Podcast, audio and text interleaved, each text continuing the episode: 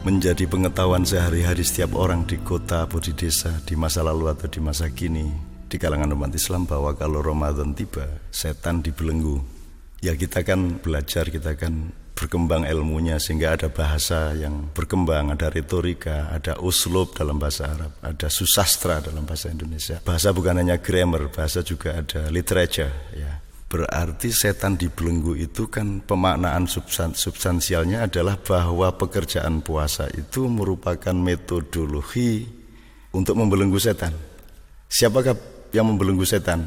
Loh kan kita khalifahnya Allah, ya masa Tuhan yang suruh kerjain semuanya. Kita dikasih metodenya, kita yang mengerjakannya, kita yang membelenggu setan. Nah sekarang tinggal pandangan kita mengenai setan, mari kita perpanjang, mari kita perluas, mari kita perdalam. Setan itu bukan sesuatu di luar diri kita, sebuah bentuk fisik, jasad. Setan itu kan bisa frekuensi, sel, virus, kuman, bisa koordinat-koordinat dari satu keadaan, bisa atmosfer, kuat. Anda memahaminya dengan nanoteknologi misalnya.